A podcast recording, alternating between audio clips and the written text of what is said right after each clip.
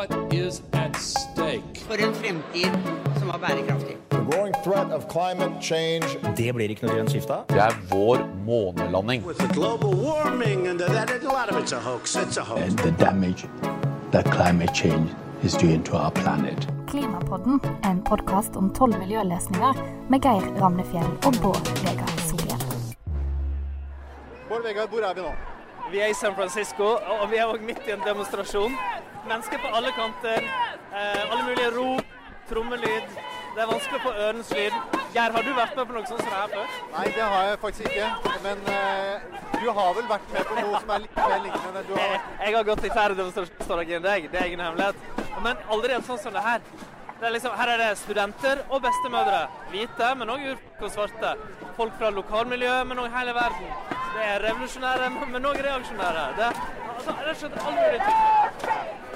Bård Vegar, vi var veldig ivrige da vi var ute i demonstrasjonstogene, og det kunne man jo høre. Ehm, Det var i eh, et opptak eh, som vi gjorde i San Francisco 8.9. i høst, hvor det var tusenvis i gatene som demonstrerte eh, i forbindelse med det store klimatoppmøtet i byen. Ja, sant? og var, vi møtte veldig mye engasjement rundt oss, og vi begynte å snakke om etterpå hvor mye eh, betyr det? Og, og vi, når vi skal lage tolv episoder nå, så tenkte vi at det var egentlig viktig å kanskje begynne med det spørsmålet, som er så grunnleggende. Hvilken rolle spiller at den enkelte gjør noe? Ja, og hva, hvor, hvorfor er det viktig at folk bryr seg? For Det er på en måte der det må, der det må begynne.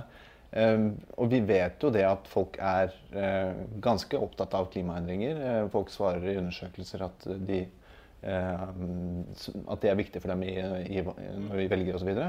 Um, men eh, likevel så vet vi jo at det har ikke skjedd nok. Politikerne har ikke gjort nok, og det har ikke vært nok resultater ut av det engasjementet som man har sett. Og eh, litt for å eh, finne ut av hvorfor, så har vi snakket med klimapsykolog eh, Per Espen Stoknes, som vi skal møte seinere i episoden. Det har vi, og vi spurte jo òg noen av de vi traff på gata her, hvorfor de engasjerte seg, om de opplevde at det betydde noe. Og så før det så skal vi høre på en som jeg jeg har ganske stor respekt for.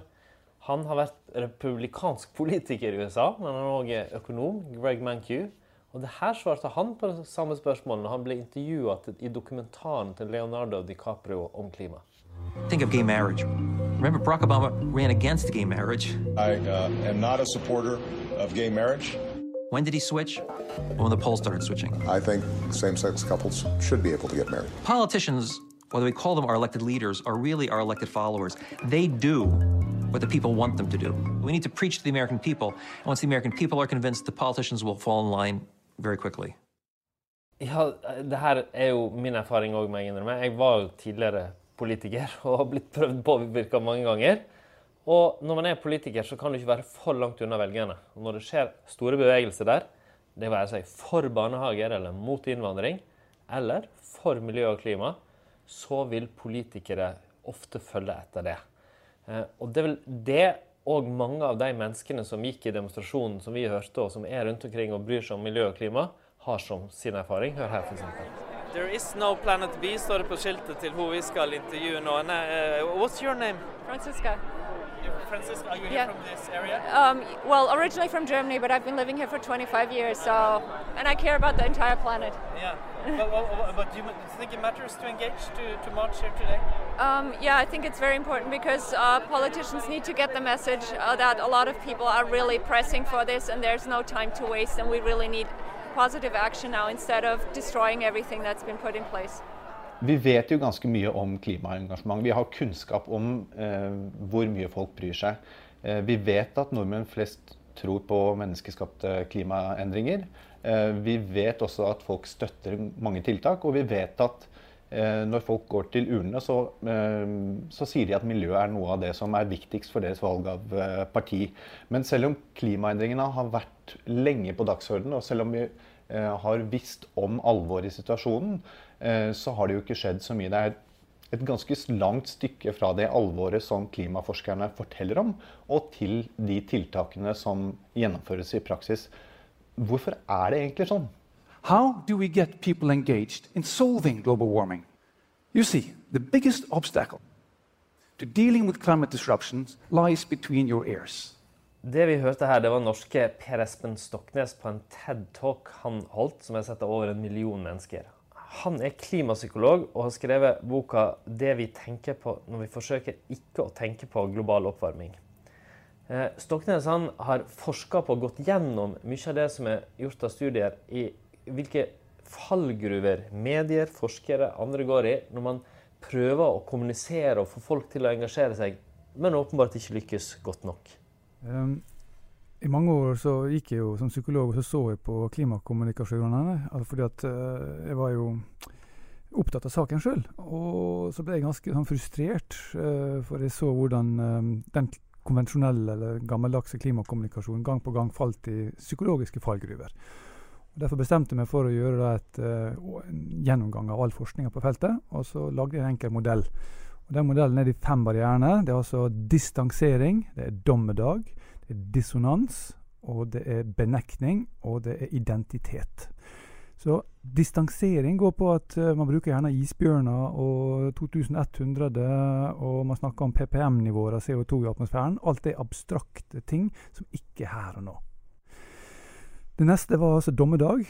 Og ja, det er mye truende med klimakrisen, men når du gjentar det gang på gang, så har det litt psykologiske bivirkninger. Eh, nevner den kort. Det er først at vi blir tilvendt eh, budskapet. Vi må rope høyere hver gang du hører om katastrofen.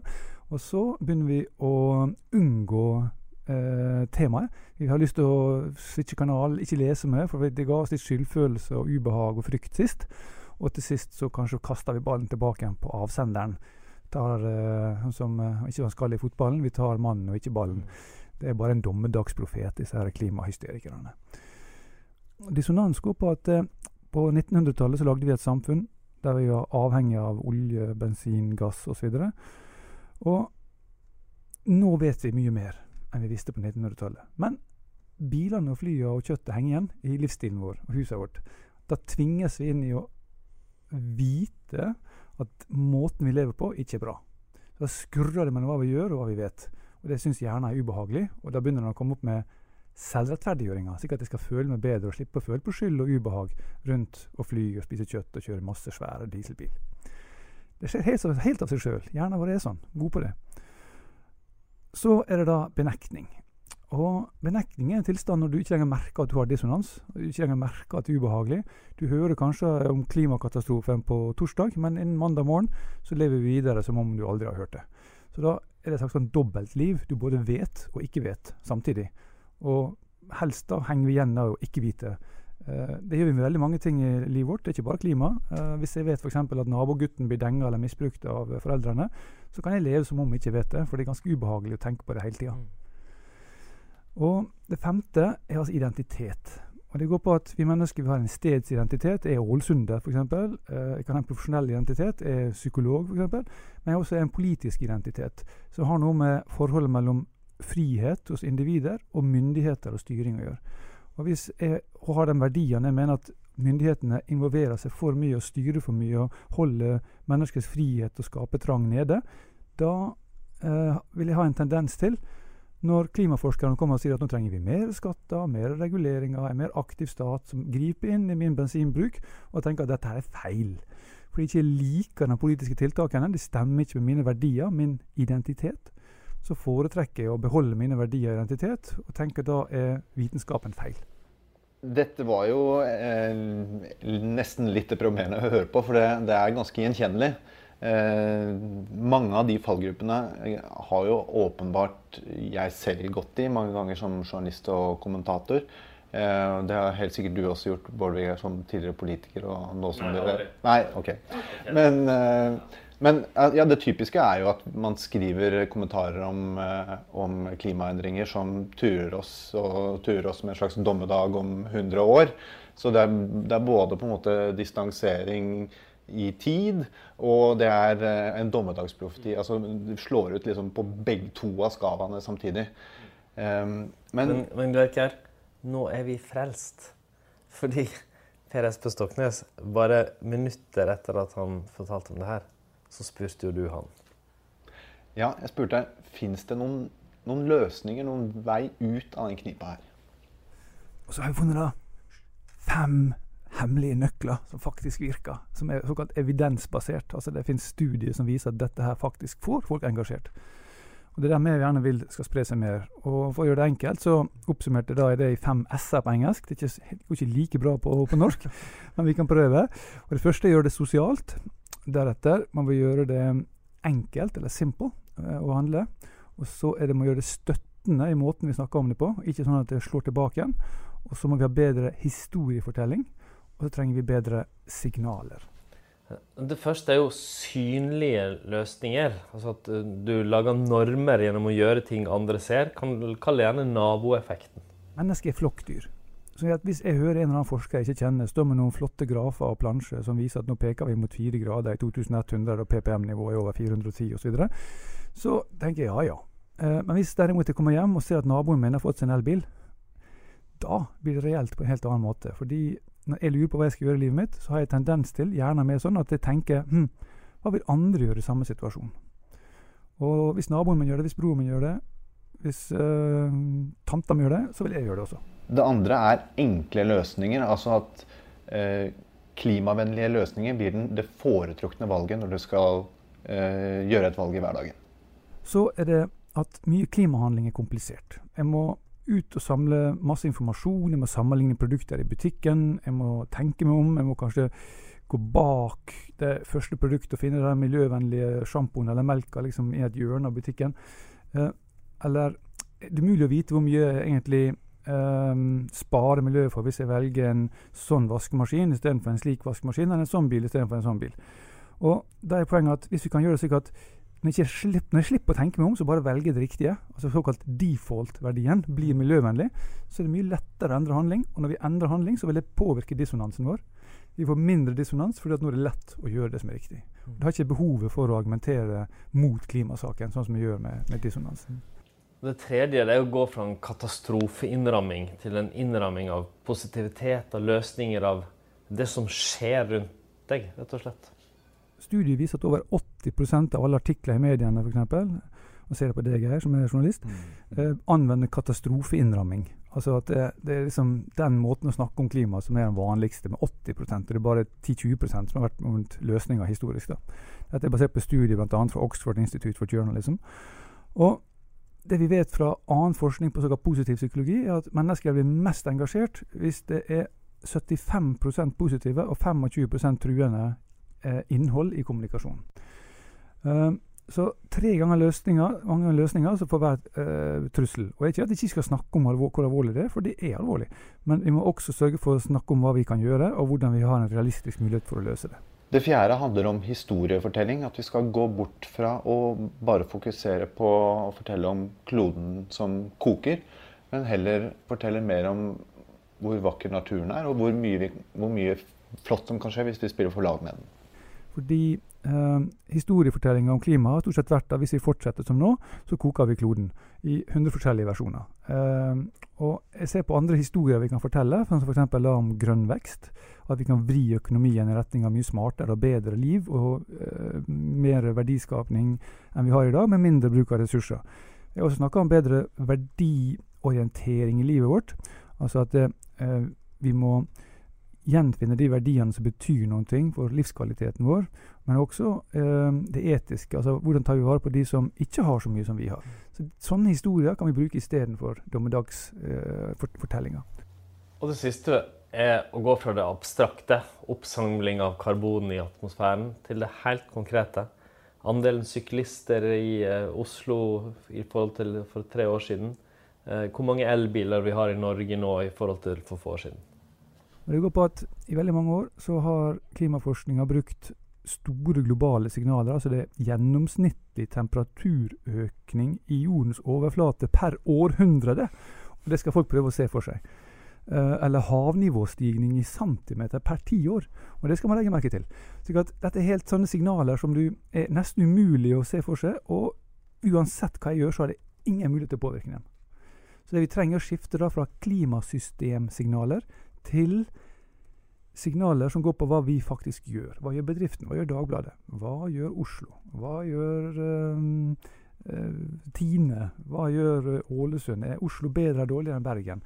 Og så kan vi da vise signaler på hvor raskt disse byene snur, disse bedriftene snur seg om, og se det i sammenheng med hvordan bidrar det til å løse problemet. Da får vi en følelse av at dette kan vi gjøre noe med. Dette var jo ganske tankevekkende å, å høre på.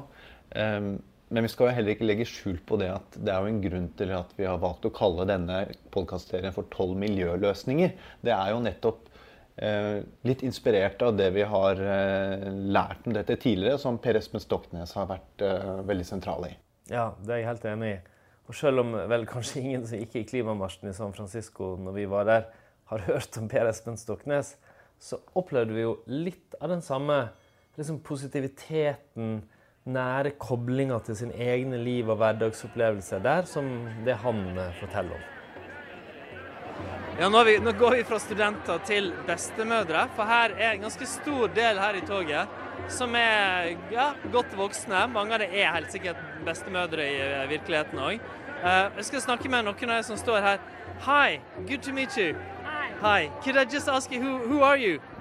Um, my name is Diana Kronstadt. I'm a retired psychologist. Hi, I'm Bella Reza.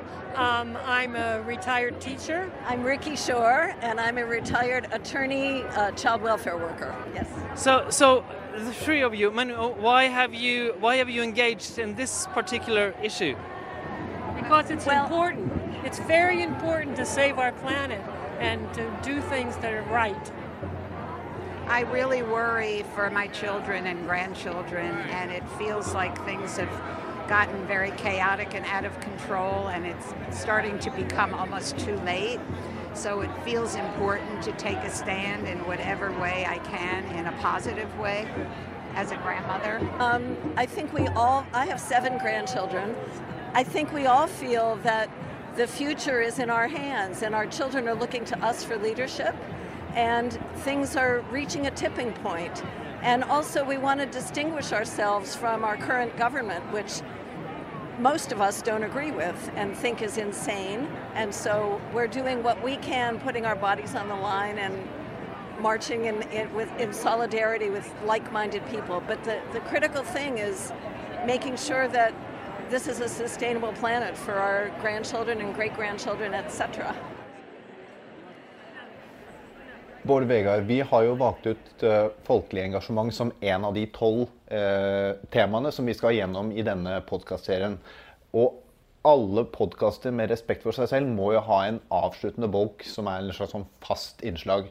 Uh, og vi har valgt å gjøre det sånn at vi skal be deg rangere fra én til tolv, hvor én er det laveste og tolv er det høyeste, hva som er det viktigste av temaene våre. Ja, det, det, er jeg veldig glad for. Jeg er jo manisk opptatt av rangeringer og liker egentlig å sette ting opp i lister og sånn. Så hvor vil du sette da folkelig engasjement på den lista?